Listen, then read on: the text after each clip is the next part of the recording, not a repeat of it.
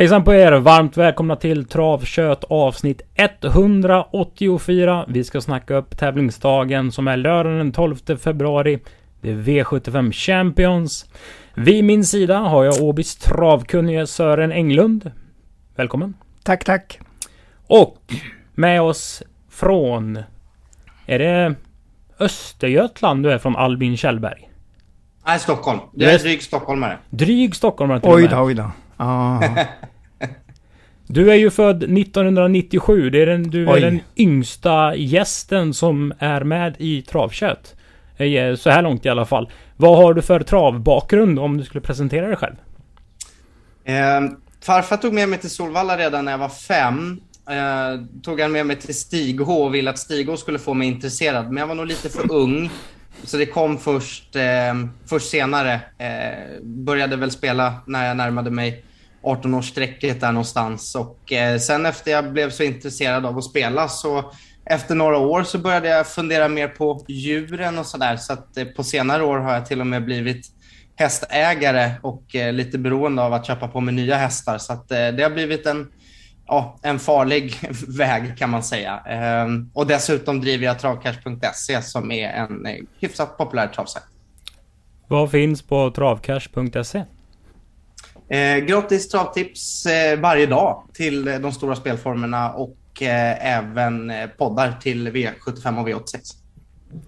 1997 Sören, det var då du började med tusenlappen eh, Ja, det har du alldeles rätt i. hos Expressen. Ja, exakt, exakt. Då var Albin nyfödd. Oj då, oj då. Ja, där ser du. Jag har fått veta att du höll igång den där riktigt länge. Det, jag blev imponerad. Ja, det var bra gjort faktiskt. Jag är nöjd med det själv. Påstås ju att det är någon form av världsrekord för att eh, det, började med tusenlappsspel eller den typen av spel i England på galopphästar för länge, länge, länge sedan. Och den som har hållit på längst har tydligen hållit på sex år. Och det var väl Gävles också, Sonny Olsson som gjorde det, sex år. Och den där i England lär väl också rekordet vara runt sex år. Och jag klarade ju 18 och ett halvt så det var ju bra. Du krossade rekordet. Ja, kan man säga. Eh, till vardags så har jag förstått Albin att du jobbar en del med aktier också. Ja, det stämmer. Jag eh, har jobbat som eh, programledare och reporter inom ekonomi-tv i ja, ungefär fem år. Eh, just nu på EFN TV som är en ekonomikanal som ägs av Handelsbanken. Vad finns det då för likheter genom placera pengar i aktier eller fonder eller vad man nu gör och travspel och framförallt kanske analysen kring oddsen? Jag tycker att det finns en ganska glasklar och, och för mig avgörande skillnad som gör att jag tycker båda är så kul. Och det är att både aktier och eh, trav går ut på att samla in så mycket information det bara går och sen inte bli överväldigad av den och eh, försöka strukturera upp den på ett bra sätt och värdera den. Och det är det jag tycker är så roligt, att eh, verkligen försöka hitta allt som finns om en häst och sen värdera, eh, liksom tratta ut det till sträcka eller inte sträcka. Och det, det är det som är otroligt roligt detektivarbete. Det känns som en, en, en åsikt i din smak Sören. För du har ju Absolut, absolut. ofta citerat att du, du kunde gå in i Olle Goops ryggrad. Ja, det har jag väl sagt någon gång. Jo, men det, det gäller ju att värdera så mycket som möjligt och det är ju en viktig sak att kanske tänk, eller så i, i princip veta hur kuskarna tänker också.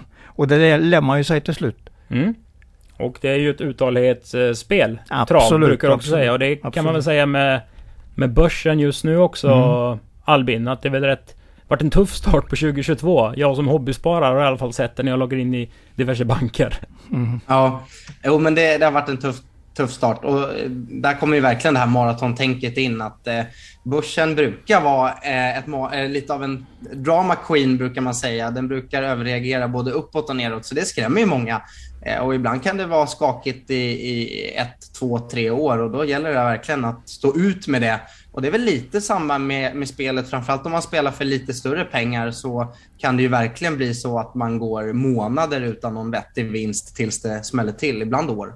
Mm. Och eh, med den introduktionen ska vi då öppna travprogrammet. Vi ser att det är eh, Don Fanucci Zet och Aitos Kronos sida vid sida i eh, EM för femåringar. Det är faktiskt det som pryder programmet. En jäkligt snygg bild, skulle jag vilja säga, från Mia Nilsson som är fotograf. Vi börjar med V4, men vi ska inte sticka under stolen med att det är V75 som är the shit den här mm. tävlingsdagen. Ja. Det är ju en otroligt rör, rörig omgång. Om man inte är super, super, super travintresserad. För klassystemen mm. är ju borta. Vi kommer komma fram till det lite mer. Men vi börjar i alla fall med V4 avdelning 1. Det är Brisis Monterryttar-serie. Vad har du att säga om det här Sören? Du brukar vara bra på utländska hästar, så 10 Comtessa du Chagny, vad har du på den? Faktiskt riktigt bra. Tre monterstarter, två segrar, en andra plats. Så den har varit duktig. Ehm, det jag föll mest för när jag tittade på hästens prestationer var ju hur bra den hade varit i ett 3 lopp i höstas. Det som eh, Gangnam Style K vann, det var kanske inte så märkvärdigt. Men tvåan i mål, Bledegers, och den gick precis bakom den i mål som trea. Och slog många, många bra hästar. Uh, så det var, det var faktiskt ett, en riktigt bra prestation. Och jag hyllar ju alltid ett sto när det går bra på lång distans. Det tycker jag är extra bra. För det är så sällan, det är så sällan de klarar det. Mm. Eh. Så att den, den blir farlig, men jag tror ju att eh, Granit de la Rock med eh, nummer fyra med Jonathan Carré är, bästa chansen. Men jag varnar för, uh, för hästen som kommer från Norge. Mm. Albin, vad har du för take på loppet? Ja, men då, då tänker jag förstärka Sörens eh, uttalande här. Jag tycker faktiskt att 10 Comtessa de Chagny ska vara första rankad här. Jag är väldigt imponerad över tiderna som hästen har presterat. Och eh, ett generellt sett mantra jag brukar tjata om det är att eh, när det kommer eh, ut, ja nu är det ju ganska nära att åka från Norge till eh, Göteborg, det beror ju lite på var du bor i Norge, men när man reser en bit så brukar man eh, ofta tro på ganska bra chans, annars är det inte värt att göra sig besväret. Så att jag tror att det här är bästa chansen i, i loppet. 10 Comtessa de Chagny. Eh, letar man skrällar så vet jag att Stefanie Werder är väldigt nöjd med tre dynamik Raja med hur han känts i träningen sista tiden och eh, hon låter lite lurig. Mm. Eh, Stefanie och även Namur inom V75 som vi kommer precis, snacka om lite precis. senare. V4 avdelning 2. Man är ju spänd på Falsigs 10 Luan. Som kommer från Macback Nilsens stall som är inhandlad. Det är ju Bosse Falsig och Dan Renholm som äger hästen. Det är ett eh, sto det också efter Charlie Dunoyer och detta är ju ett storlopp. Mm. Och eh, vad har du sett i det danska lopparkivet Englund? Eh, att det är en ganska bra häst, att det är en bra häst helt enkelt. Och har en bra spurt. Den har alltid varit lite lurig i starten så att eh, de där gångerna den har, han har ju anmält den med, från 20 tillägg ett par gånger eh, Macbeth bara för att stärka den och få den säkrare iväg. Och då har den faktiskt vunnit när den har stått så illa till i loppen. Så att det gör nog ingenting att det har det här läget. Plus det som jag fastnar mest för, eller får mest träff på i mina tankar, det är ju att den är anmäld till Storchampionatet. De har betalat till det här loppet så att de, de har ju hela de har i alla fall haft ganska höga tankar om den. Och det var roligt att Falsik köpte den här hästen. Får vi se hur den ser ut på banan när den dyker upp här då. Mm. Det är ju mm. några bra emot det, helt klart. Och i det 184 avsnittet av Travkött var det 182 gången Sören nämnde Storchampionatet som ett eh, stort och bra lopp och det är meriterande för hästar att ens eh, tänka på Storchampionatet Albin ifall du inte varit med på det innan. Eh, mm. Jag tyckte två Quitta Futura löpte bättre än tidigare. Det känns som den är mm. på gång uppåt. Ja. Det känns som Malmqvists få hästar som är kvar i Sverige Lite ojämn i prestationerna dock. Den här har kanske ett sånt sätt att den är lite ojämn men den är bra när allt stämmer och den står bra till. Storlopp, låg klass, eh, alltså propositionstaket är ju högst 50 000 Albin. Vad brukar du tänka då? Egentligen att eh, mycket kan hända och det kan ju vara allt från att man lättar från järn till aluminium eller någon sån här liten ändring man inte ser som eh, gör att en häst förbättrar sig väldigt mycket. Eh, så det, det, är alltid lite lurigt. Jag tycker ofta att man behöver gardera sig lite grann för att det, det, är lätt att man, man missar saker eller finns saker som man omöjligen kan ha koll på som gör att en häst eh, vinner. Jag, jag är jättesvag för två Futura för att Eh, mamman, Kryssa Futura, det är en av eh, mina favorithästar. Hon var ruggig i årgångsloppen ungefär när jag verkligen började bli inbiten i att spela på trav och eh, dagligen se travsändningar. Så henne minns jag mycket väl och där finns det otroligt mycket att brås på och jag älskar bra mammor när det gäller travavel. Så att eh, jag tror att kan hon bli hälften så bra som mamma, då tjänar hon ett par hundratusen bara den här säsongen. Två kvitta Futura. Mm. Vi går till V4 avdelning 3. Om du gillar bra mammor Albin så säger jag I'll stand på ett Swish the Cash. Eh, tre Last Jokes. Mamma heter Single Sock. Den hade väl Hamre och körde in någon miljon med. Den var Mm, snabb i alla fall. nog. Kex the Flax som är mamma till två Bottnas Idol vann väl V7 för Karl Lärdi Korpi. Där kan jag vara lite mer på gissningsleken. Har jag nämnt någon av dina första hästar eh, Albin? Ja, det har du. Det är ett Swish the Cash som jag tror bara tävlar mot sig själv här. Jag är jätteimponerad över de fart, eh, fartresurser och eh, det hjärta och lungor den här hästen har visat upp.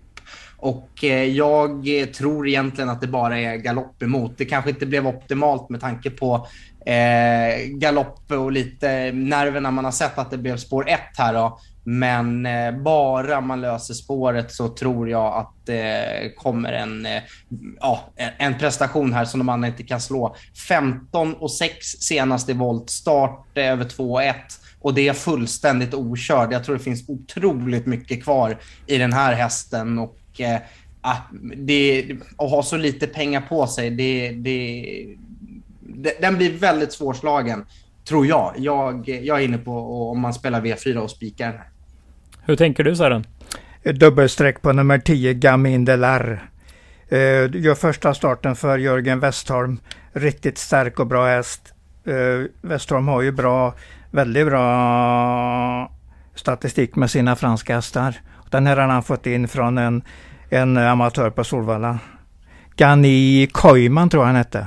Janni Koisman. Ja, så, så kanske det uttalas, ja. Har ju Så att han- jobbat hos Timo Nurmos länge som hästskötare. Ja, ja.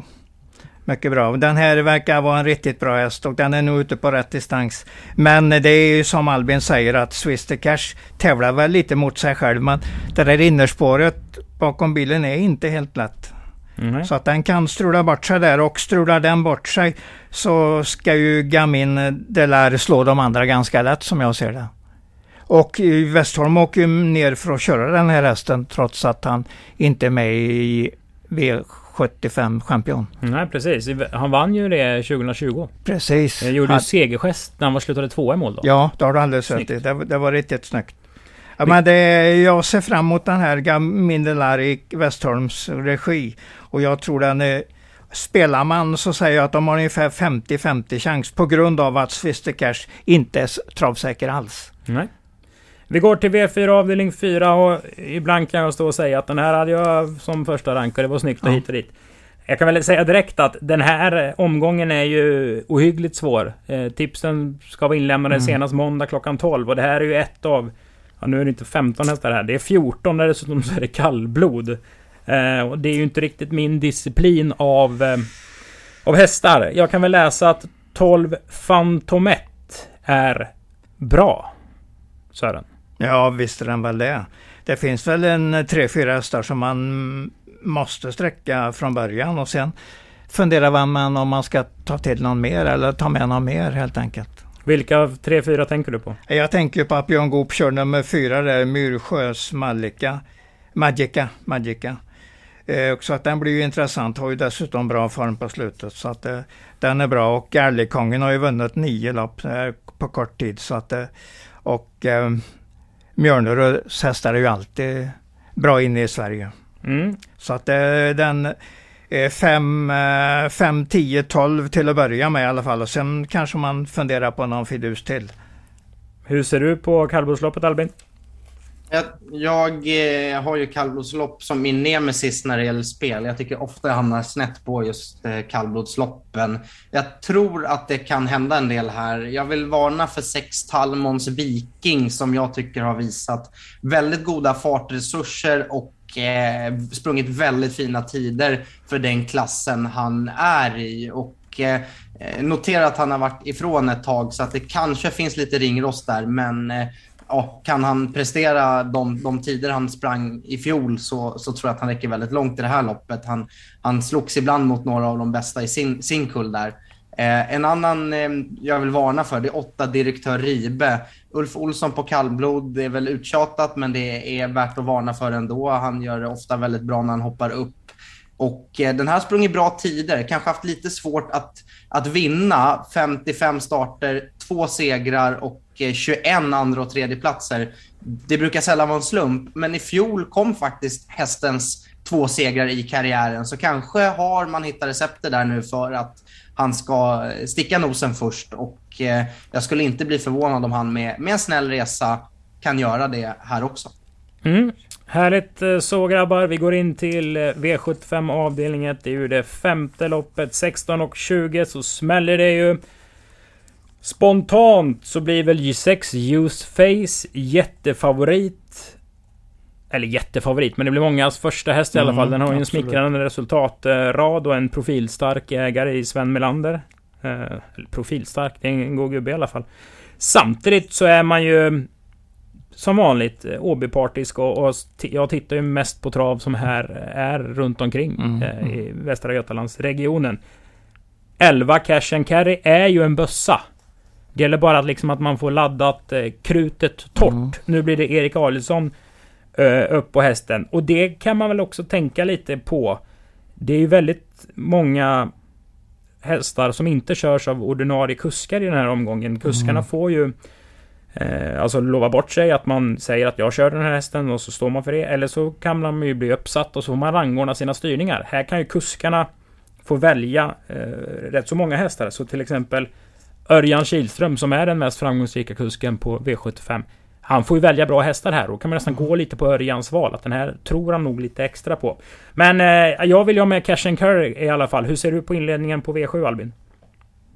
Till att börja med vill jag berömma Åbytravet för den här omgången. För att det finns få omgångar varje år av V75 som är så roliga och spelvärda som V75 Champions. Eh, och det säger jag inte för att ställa mig in, utan det det är en höjdpunkt på året eh, spelmässigt eftersom det är så lurigt.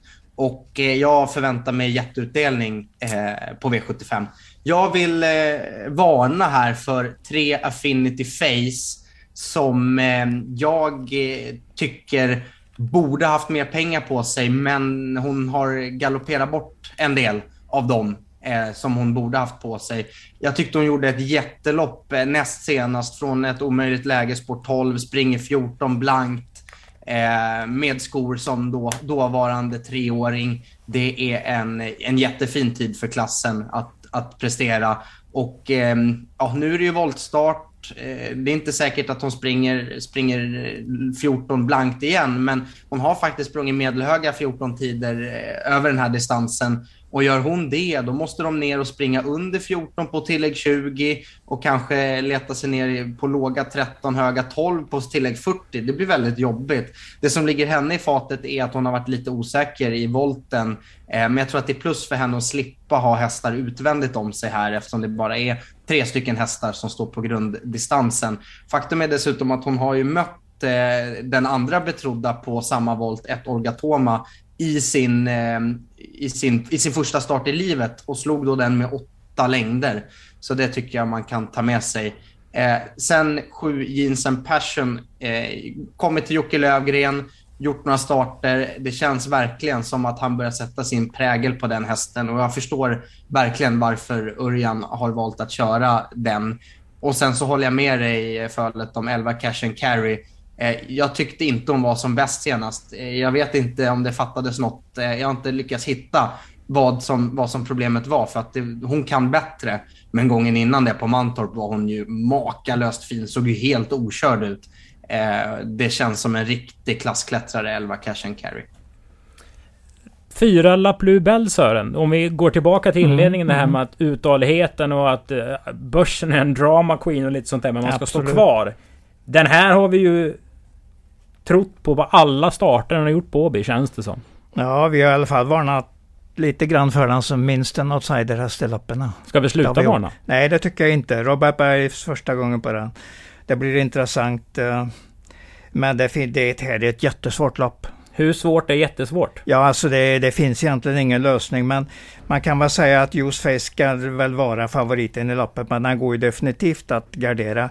Jag tänker lite grann på nummer 10 Supersara och jämför den med nummer 11 Cash and Carry. Cash and Carry har bakspår nummer 8 i den volten.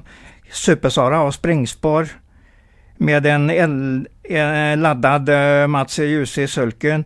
Bör vara 15 meter före Cash and Carry direkt. Cash and Carry har tjänat 334 000. Supersara har tjänat 587. Så jag säger att Supersara är nog en minst lika farligast i loppet som Cash and Carry. Men jag gillar Cash and Carry, inget snack om det. Och Erik Adiasson, ja, mycket intressant. Om vi backar eh, ett hack då. Om ja. vi snackar 40 volten. 12 Karna Sensei, Segrevan, 14 Florist. Han fick ju en revival efter att varit segerlös ungefär hur länge som helst. Kändes det som efter en stark treåringssäsong. Och blev ordentligt nerspelad i några starter. Vad vet vi om 13 Jolin BR? Jolin BR vet jag väl egentligen inte så mycket om men... Ja.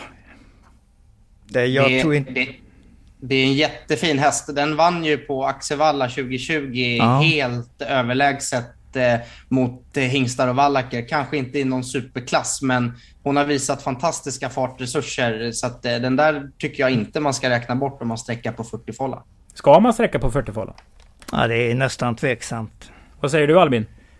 Jag tror det blir svårt att, att, att hinna ikapp faktiskt. Framförallt när de där framme är så pass bra. Men, men är det någon jag tycker är spelvärd där bak, då är det 13 Jolin BR.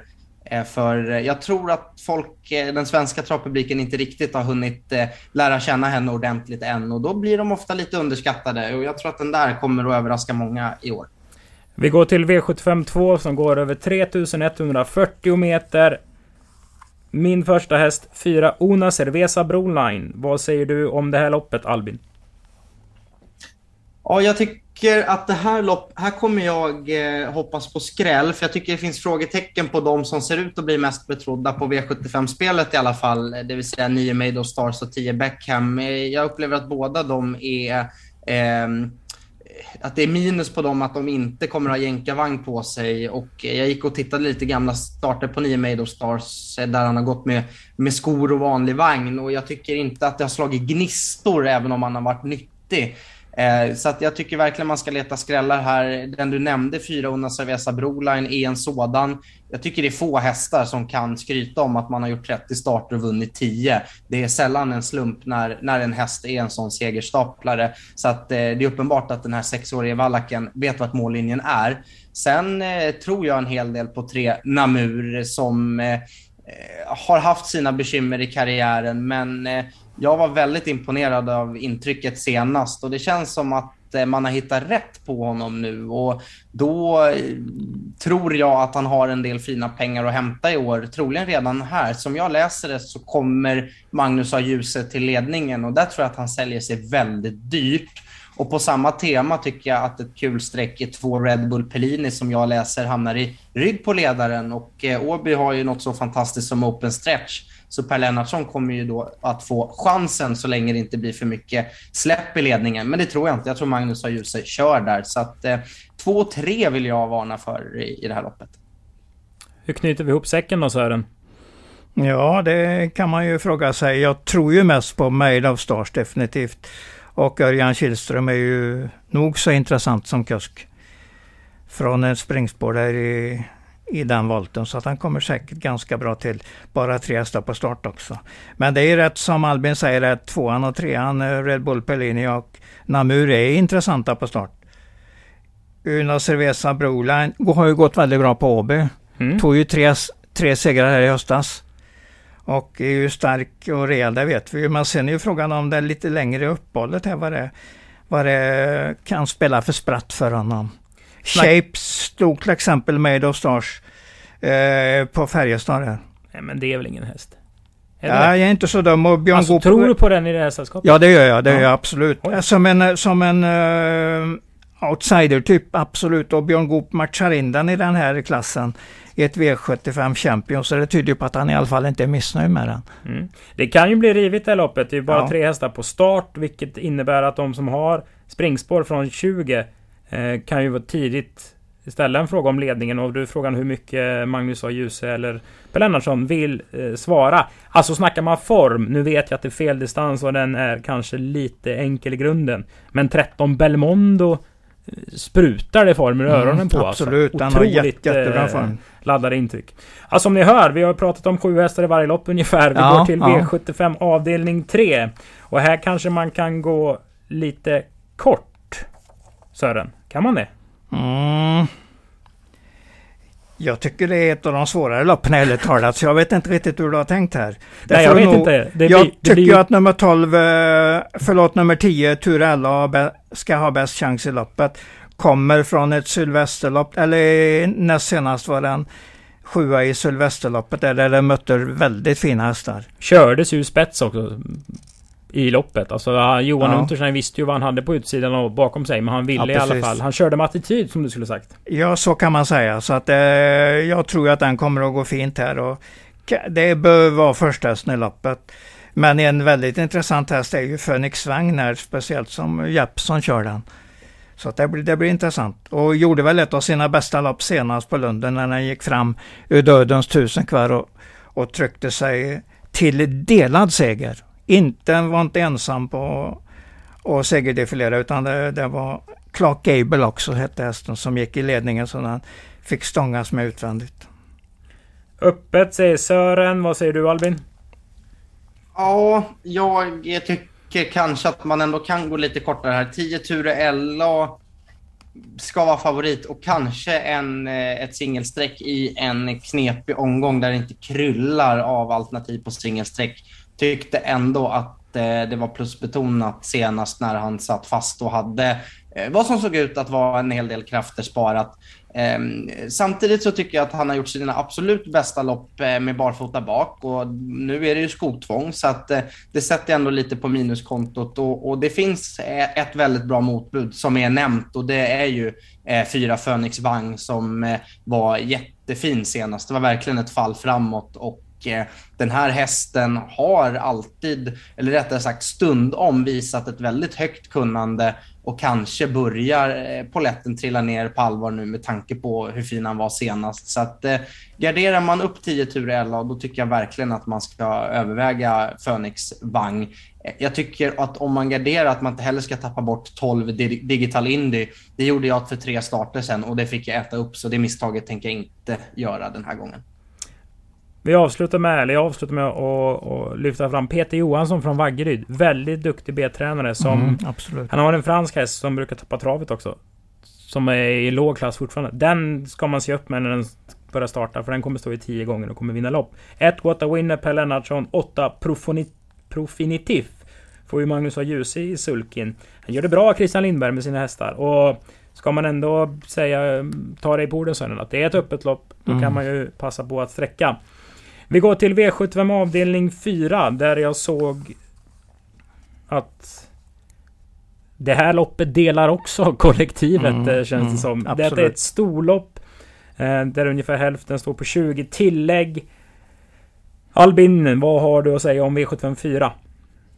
Här vill jag precis som vid det inledande storloppet varna för Adrian Colgini med nio Athena Face som eh, vann på ett väldigt övertygande sätt senast. Hon matchades stenhårt i fjol mot eh, många kulltoppar.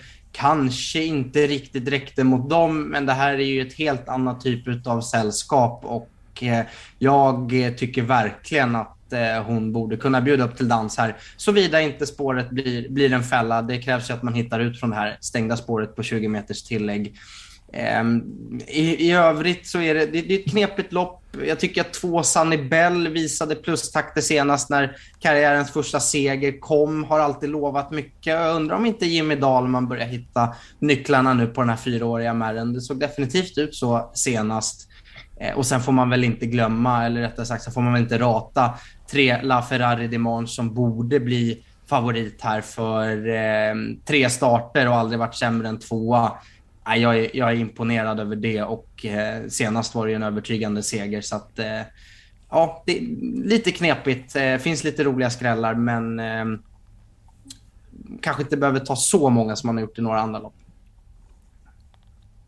Vad säger du Sören? Spelbar häst nummer två, Sunnybell. Såg ut rent glänsande senast.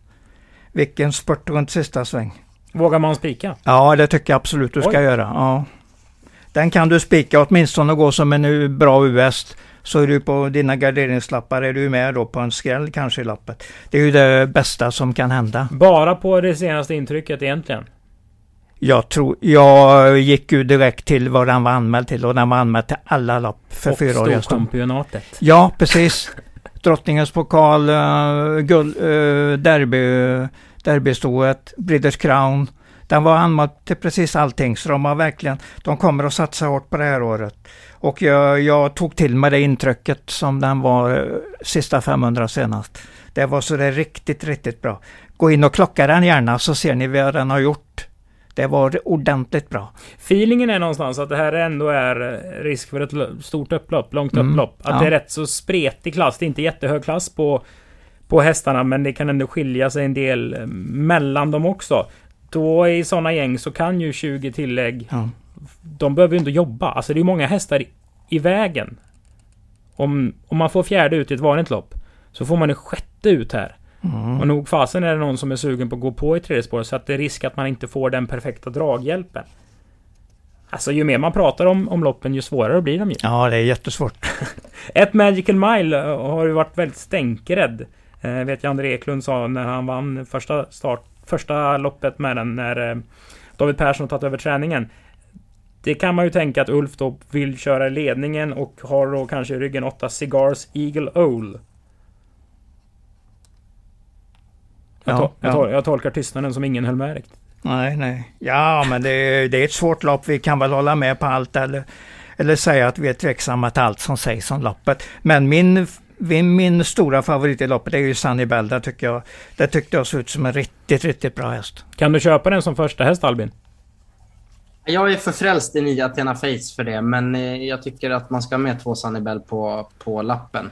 Ehm, vill ni ha en sån riktig jätteskräll som man kan bli ensam med, då kan jag också lyfta fram 11 Gini BR som visade väldigt fina farter i början av karriären. Sen har det strulat lite mer och framförallt blivit väldigt mycket galopper. Men det kanske också är just därför vi fortfarande hittar henne i den här klassen. För övrigt är hon ju mer eller mindre perfekt inne i loppet på pengarna också. Så att eh, letar man stora pengar så ska man nog inte nonchalera den här gästen. Det är klart vi letar de stora pengarna Ja. samtidigt som vi vänder blad till V75 avdelning här är de bästa ungdomskuskarna inom V75 som gör upp om segern i V75 Ungdomschampion.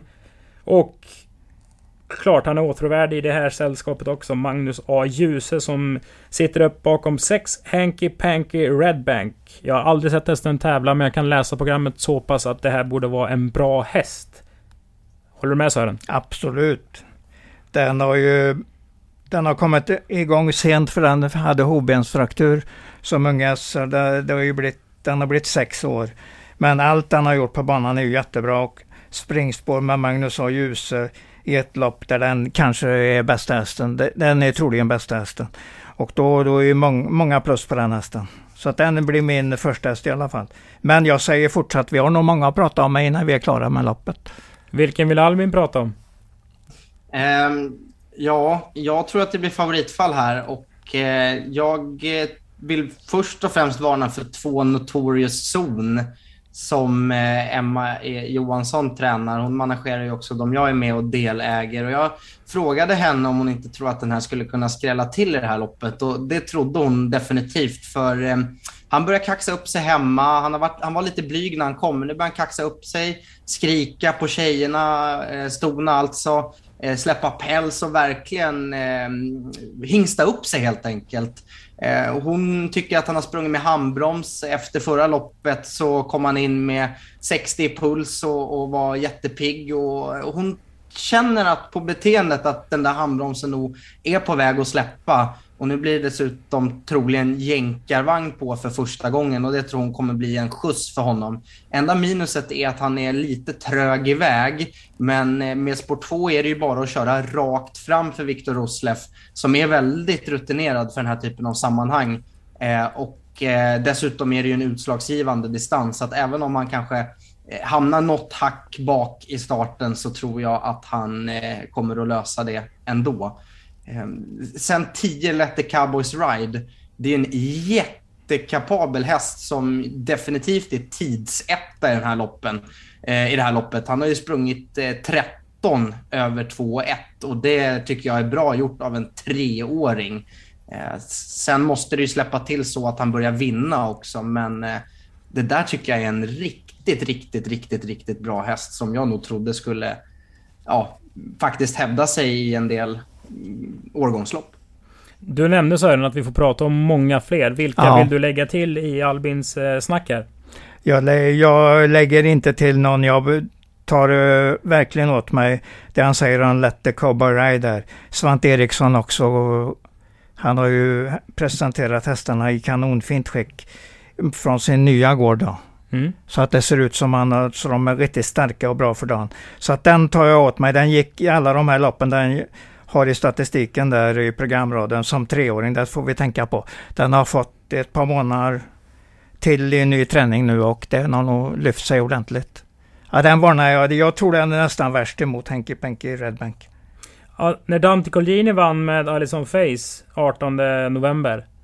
Då var det ju kanonsnack kring den. Ja, ja. Eh, Dante är ju glad när han vinner. Så det, det kanske inte är superovanligt. Men det var ändå sådär som man, man reagerar lite på det. Alltså nu är vi uppe i 4-5 hästar i det här loppet ja, också. Precis. Och vi har ju inte sagt My Store is True där. Som vi väl också tycker är ganska bra. Mm. På tal om bra mammor också. Orchidé Dano där. Oh ja, oh ja. Mm. Det vi ger ju tv-systemet ett ansikte så här långt. Alltså att man sträcker många hästar i början. Sen får man gå kort på slutet för pengarna tar slut. Och här kommer vi ju i alla fall till... Eh, ja, jag tycker man kan gå på två Gloucester Gladiator. Mötte ju Namur senast. Det såg på pappret ut att vara ett eh, rätt så enkelt lopp. Alltså, inte så mm. jättehög klass. Men de två lämnar de andra med 40 meter. Det var sådär wow, det blev ju, det blev ju travsport ikväll. Eh, den mm. fick ge sig mot Namur, absolut. Men nu snackas det om jänkarvagn. Den är bra iväg. Alltså, jag har ju tjatat om den här rätt länge. Men eh, jag gillar verkligen två Gloucester Gladiator. Vad säger du på det Albin? Nej, jag, jag kan bara hålla med dig. Det är mitt eh, drag i det här loppet. Så att eh, om du och jag spikar den så är det väl du och jag som delar på, på V7-potten mm. sen fallet. Det låter bra det. Med tanke på min tipsform på gårdagens V86 så, så tror jag ligger lågt i, i det snacket. Sören, det är ett lopp det är ju ett spårtrappelopp det här. Mm. De bästa hästarna har ju de sämsta spåren. Vi brukar prata att man kan titta på den vänstra sidan av programbladet då. Mm. Hur funkar mm. den tesen i det här loppet? Ja, min eh, första häst är ju, och spikförslag egentligen, är ju nummer sju Behind Bars. Som jag tror har vänt ordentligt igen. Får jag säga en fin, sak? Fin, fin, ja verkligen, verkligen. Har inte den blivit sämre?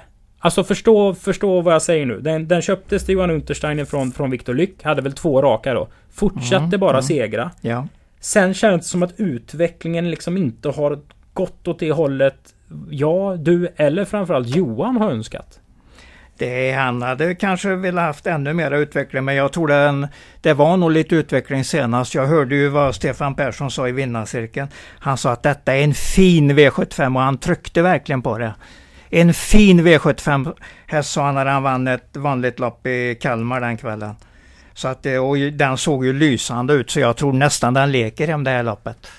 Det tror du? Ja det tror jag. Hur då? Att den är så mycket bättre än de andra och nu de där tre månaderna som den hade i stallet att träna på har utvecklat den så mycket så att BOM tror jag bara säger. Ja alltså det är jättetufft att säga ja. så som jag inledde med. Den har vunnit 9 av 17 men ja. det känns som den skulle haft 75 i segerprocent efter de första tre starterna. Nu har den bara ungefär 50 fin, fin häst säger jag att det är för framtiden. Om jag säger 13 Legend Act Sören, vad säger du då? Absolut jättebra. Eh, var ju nere här och var tvåa bakom. Det var väl Reddy Häggenäs han inte nådde efter en sen lucka från tredje inner. Mm. Gick snabbt och sen har han gått bra hemma i Norge. Vunnit på uh, 13 tider, till och med låga 13 tider full distans. Och får då ytterligare Björn Goop i sulken som ett extra plus. Så att den, den är lite småfarlig här. Fyra Vägger säker och startat på Solvalla mycket Albin, din hemmabana. Kan det vara en häst ja. som kan göra på om segern? Nej, jag tycker inte det i det här loppet. Han, eh, han har tjänat lite snabba pengar och dessutom haft lite tur. En av de senaste segrarna kom ju via en diskning till exempel på... Eh, ja, vilken var det? Ja, det var Mats Gunnarssons nedflyttning där. Ja, Triton, exakt. tror jag Triton. Eh, så att jag, jag tror ändå han är ute på lite djupt vatten här. Tycker han har fått lite billiga segrar och eh, nej, den, den vill jag gärna rata till förmån för att plocka lite mer spelvärda hästar. För övrigt, eh, be, sju behind bars. Jag håller med dig i det här fallet om att den har utvecklingen kanske inte var spikrak och, och något jag undrar är om man inte tog lite hårt åt sig när han gick 13 blankt eh, på Solvalla 2020 eh, utvändigt om eh, Magnificent Toma som Daniel Redén eh, tränade där. Eh, det blev ett väldigt hårt lopp och efter det kändes det som att man fick börja om lite med, med behind bars. Så det är kul att han har börjat komma igång igen i alla fall för att det, det blev ett lite, lite grus i maskineriet efter det upplever jag. Du stod och sa Ja. BG Pastor Jonte. Den den kom till Flemming Jensen. Mm. Sen så gjorde den tre rätt som misslyckades starter i Sverige. Flemming tog kanske ett steg tillbaka. Ja. Åkte runt om på Ålborg och på Skrive. Mm. Vart sätter vi in honom i, i loppet? Jag tycker han har en svår, eh, svårt lopp här i och med att han har eh, nummer 15 i en sporttrappa. Men det visste ju Flemming när han anmälde i och med att han hade den prissumman på sig. Ja, undrar om det inte är, undrar om det inte är Axvalla 1600 meter om 14 dagar som gäller för den hästen. Mm. Nu har du läst propparna noga Sören. Ja, det har jag gjort. Det jag brukar göra det precis som Flemming Jensen gör. Han, eh, han eh, läser propparna mycket noga. Vi går till V75 avdelning 7. Där formstallet far och son Nimchik eh, ställer upp med tre Freebird och 10 Emilion. Och jag tror mm, om det var nio av de tioste segrarna Mikael alltså har kört eh, i Sverige. Alltså det har gått väldigt bra för dem under en period nu med de här hästarna som har varit i Sverige sedan i början på december och verkligen har akklimatiserat sig Mm. rätt. Men favorit i loppet, rätt så klar sådan, blev väl ett strong heartbeat. Det blir han ju på Örjan och ett innerspår. Men jag vill ju säga att den där Storo Leonardo tror jag är nästan lika farlig chans i loppet. Så det är mina A-hästar i loppet, 1 och 12. Hur långt kommer man på två streck på din V75? Kanske plockar några till ärligt talat.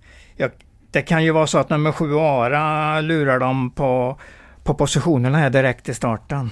Får man vara cynisk och säga att det är samma tränare på ett strong heartbeat som sju Ara? Ja, det har du rätt i att tänka. Samtidigt så är det ju i vanliga fall är det också pengar för kuskarna. Mm, nu är det absolut. dessutom poäng då i V75 Champions. Ja, Det kan vara riktigt tajt mellan Erik och Örjan och Erik Mm, verkligen nu ska försöka slå Örjan. Det blir väldigt hypotetiskt. det var det att han kan möjligtvis få upp en sån bra start där med Ara så att han kommer förbi Strong Heartbeat och då, då eh, försvårar han ju direkt för Örjan Kihlström där. Du var inne på tider Albin sist. Eh, Mm. och, och tänkte och, och funderade. Hur ser du på V75 7? Och då kanske du förstår hur jag tänker med mitt eh, resonemang.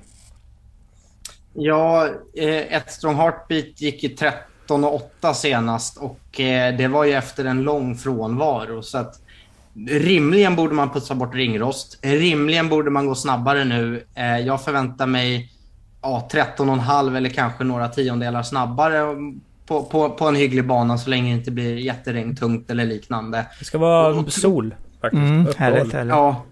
Och då blir det ju väldigt svårt att hinna ikapp från 20. Då måste Leonardo ner och springa ja, 12 och 7, 12 och 8. Kan han det? Ja, absolut. Men eh, jag tror att det blir lite tungt att hinna ikapp. Framförallt tycker jag att han har sprungit sina bästa tider barfota. Eh, och han kom ju inte riktigt ikapp eh, från eh, tillägg på Jägersro när det gick snabbt till exempel. Så att, eh, eh, näst senast. Så att, jag, jag kommer singla ett strong heartbeat. Eh, sju Ara där är ju ganska startsnabb, men jag undrar om inte ett strong heartbeat kommer överraska lite vad gäller startsnabbheten. Jag tror att han har lite mer snabbhet från start än, än vad han har visat tidigare. Och då kanske man lyckas dra iväg så pass att Ara kan backa ner i ryggen och vara nöjd med det. Eh, och eh, min känsla är att ett strong heartbeat gör det jobbigt för dem genom att springa en 13,5 från ledningen. Om man ska sträcka någon av Nimchik-hästarna, då tycker jag att 10 Emilion faktiskt gå före tre Freebird. Jag tycker att den har varit eh, vassare. Men eh, min spik här det är ett Strong Heartbeat. Årstidshäst är ditt... Eh, Ja. Inte favorittänk, men du tänker Ja, ofta på det. Och Strong absolut. Heartbeat vann ju lopp den här tävlingsdagen för två år sedan. Ja, det gjorde den. Men om man tänker så här då. Om man då har liksom överlevt V75 som är svår. Finns det Mm. inte någonting i en som, som ändå känner att, ja men vad fasen. Strong Heartbeat är omgångens största favorit. Ska man spika den som alla andra då? Och det kan man ju verkligen fundera på. Hur tänker du kring Ja. det Sören? Jag kommer inte att släppa storyn Leonardo i och med att han såg så bra ut på Åby senast. Så att det, det var ett mycket bra intryck där. Så att det, jag räknar med att han blir farlig helt enkelt. Sen är det det här, det är ju som Albin säger att Ara antagligen, skulle han vara säker på att nå ryggledaren så kan det ju vara en jättebra position för den. För den är ju rimligtvis inte bättre än Strong Heartbeat så då kan, det ju, kan man ju ge upp det kanske och leda loppet. Men det, det finns ju den chansen att Erik kanske kan vara ett par längder före in i svängen så att han tar det på frihjul helt enkelt till spetsen. Så Albin spikar Strong Heartbeat, du kör 1-12. Ja, ja. Jag, jag, jag tar nog ytterligare någon i loppet. Jag är egentligen lite sugen på den där Nicky Flax också- som jag tycker har ett riktigt billigt lopp den här gången. Tänk på att han tjänar 800 000 i Frankrike i fjol. Det kan han ha nytta av med sin hårdhet till slut. Det kan bli ett väldigt konstigt lopp som inte går att utreda på ett, ett logiskt sätt och då kan det bli den. Det var ju en... Det var ett riktigt drag. Ja, det, jag, gillar, jag gillar den för att den, den kan verkligen leva upp den här gången på grund av att den möter så pass mycket enklare hästar. Mm. Eh, Ja, det är en häftig omgång. Absolut. Det är... Eh, Du vet vad som hände i fjol va? nej. Jackpot 252 000 till sexorna. 5 500 till femmorna. Så svårt var det. Ja. Och det känns ju som det kan upprepas. V75 eh, avdelning 7 var det. Vi går till lopp nummer 12. Här är ju bara sex hästar med. Mm. Och så, vi behöver inte prata så mycket om vi inte har sett någonting som vi, vi tycker är jättebra. Sören kommer ju presentera sina tre vinnare efter det här loppet. Albin, du kan också tänka ut tre stycken vinnare under tävlingsdagen som du vill bjuda på. Det brukar vara vinnarspel från Sören, men du har Ja. fria händer. Eh, två Bold Face känner jag lite för. Vad känner du Sören? Jag känner samma för att om jag bara läser programmet rakt av så ser det ut som det ska vara vinnaren. Mm. Det är väl ett rätt så billigt, ja troligtvis billigt lopp. Men någon kan ju vara, vara bra som jag inte känner till eh, bakifrån. Har du någon eh, häst du känner för det här Albin? Ja, det är två boldface. Jag tror att han kommer bli jättefavorit på, Ja. på vinnarspelet till slut. Ja. Och eh, jag tror till och med att han har råd att göra som senast, slå på en galopp och vinna ändå. Eh, otroligt respektingivande kvaltid och eh, det blir väldigt svårt att slå den här. Om han galopperar för mycket, tappar för mycket på galopper, då tror jag att ett Hercules Gertorp vinner. Det Gertorp. Det gillar vi i så fall. Hjärtorp. Ja. Det är vi- viktigt är att det är skaraborgskt uttal på Hjärtorp och inte Gertorp. Nej, det får man inte säga. Eh, jag, ja, men jag varnade ju i början av podden för att jag är dryg stockholmare. Ja, Eh. absolut, absolut. Ja, du klarade dig i Nej, men 12 det- lopp. Ja, ja. Nej, men den där är bra. Mm. Eh, Sören. Tre stycken spel till lördagens smaskiga tävlingsdag. Mm. Då spelar jag gärna den där Gamin uh, Delar i, i tredje loppet, häst nummer 10. Sen spelar jag Sunnybell som jag tycker är min roligaste vinnare under hela dagen. Och sen eh, tar jag även i tionde loppet nummer 7, Behind Bars. Mm. Det är de tre jag har tänkt. Raka besked från Englund. Albin. Ja, jag, då bjuder jag på tre skrällar så man kanske kan spela VP på de här, alltså vinnare plats. Eh, lopp 5, 3 Affinity Face tycker jag är, kom, är jag ganska säker på kommer bli väldigt spelvärd. Eh, I lopp Eh, åt, eh, nu ska vi se, i lopp 8, 9 Athena Face och sen i lopp 9, 2 Notorious Zone. De tre hästarna tycker jag är värda ett VP-spel. Mm. Läckert så. Mm. Vi eh, stänger väl travköttsbutiken för den här gången. Avsnitt 184 alltså. Där vi har snackat upp eh, V75 Champion som körs här den 12 februari.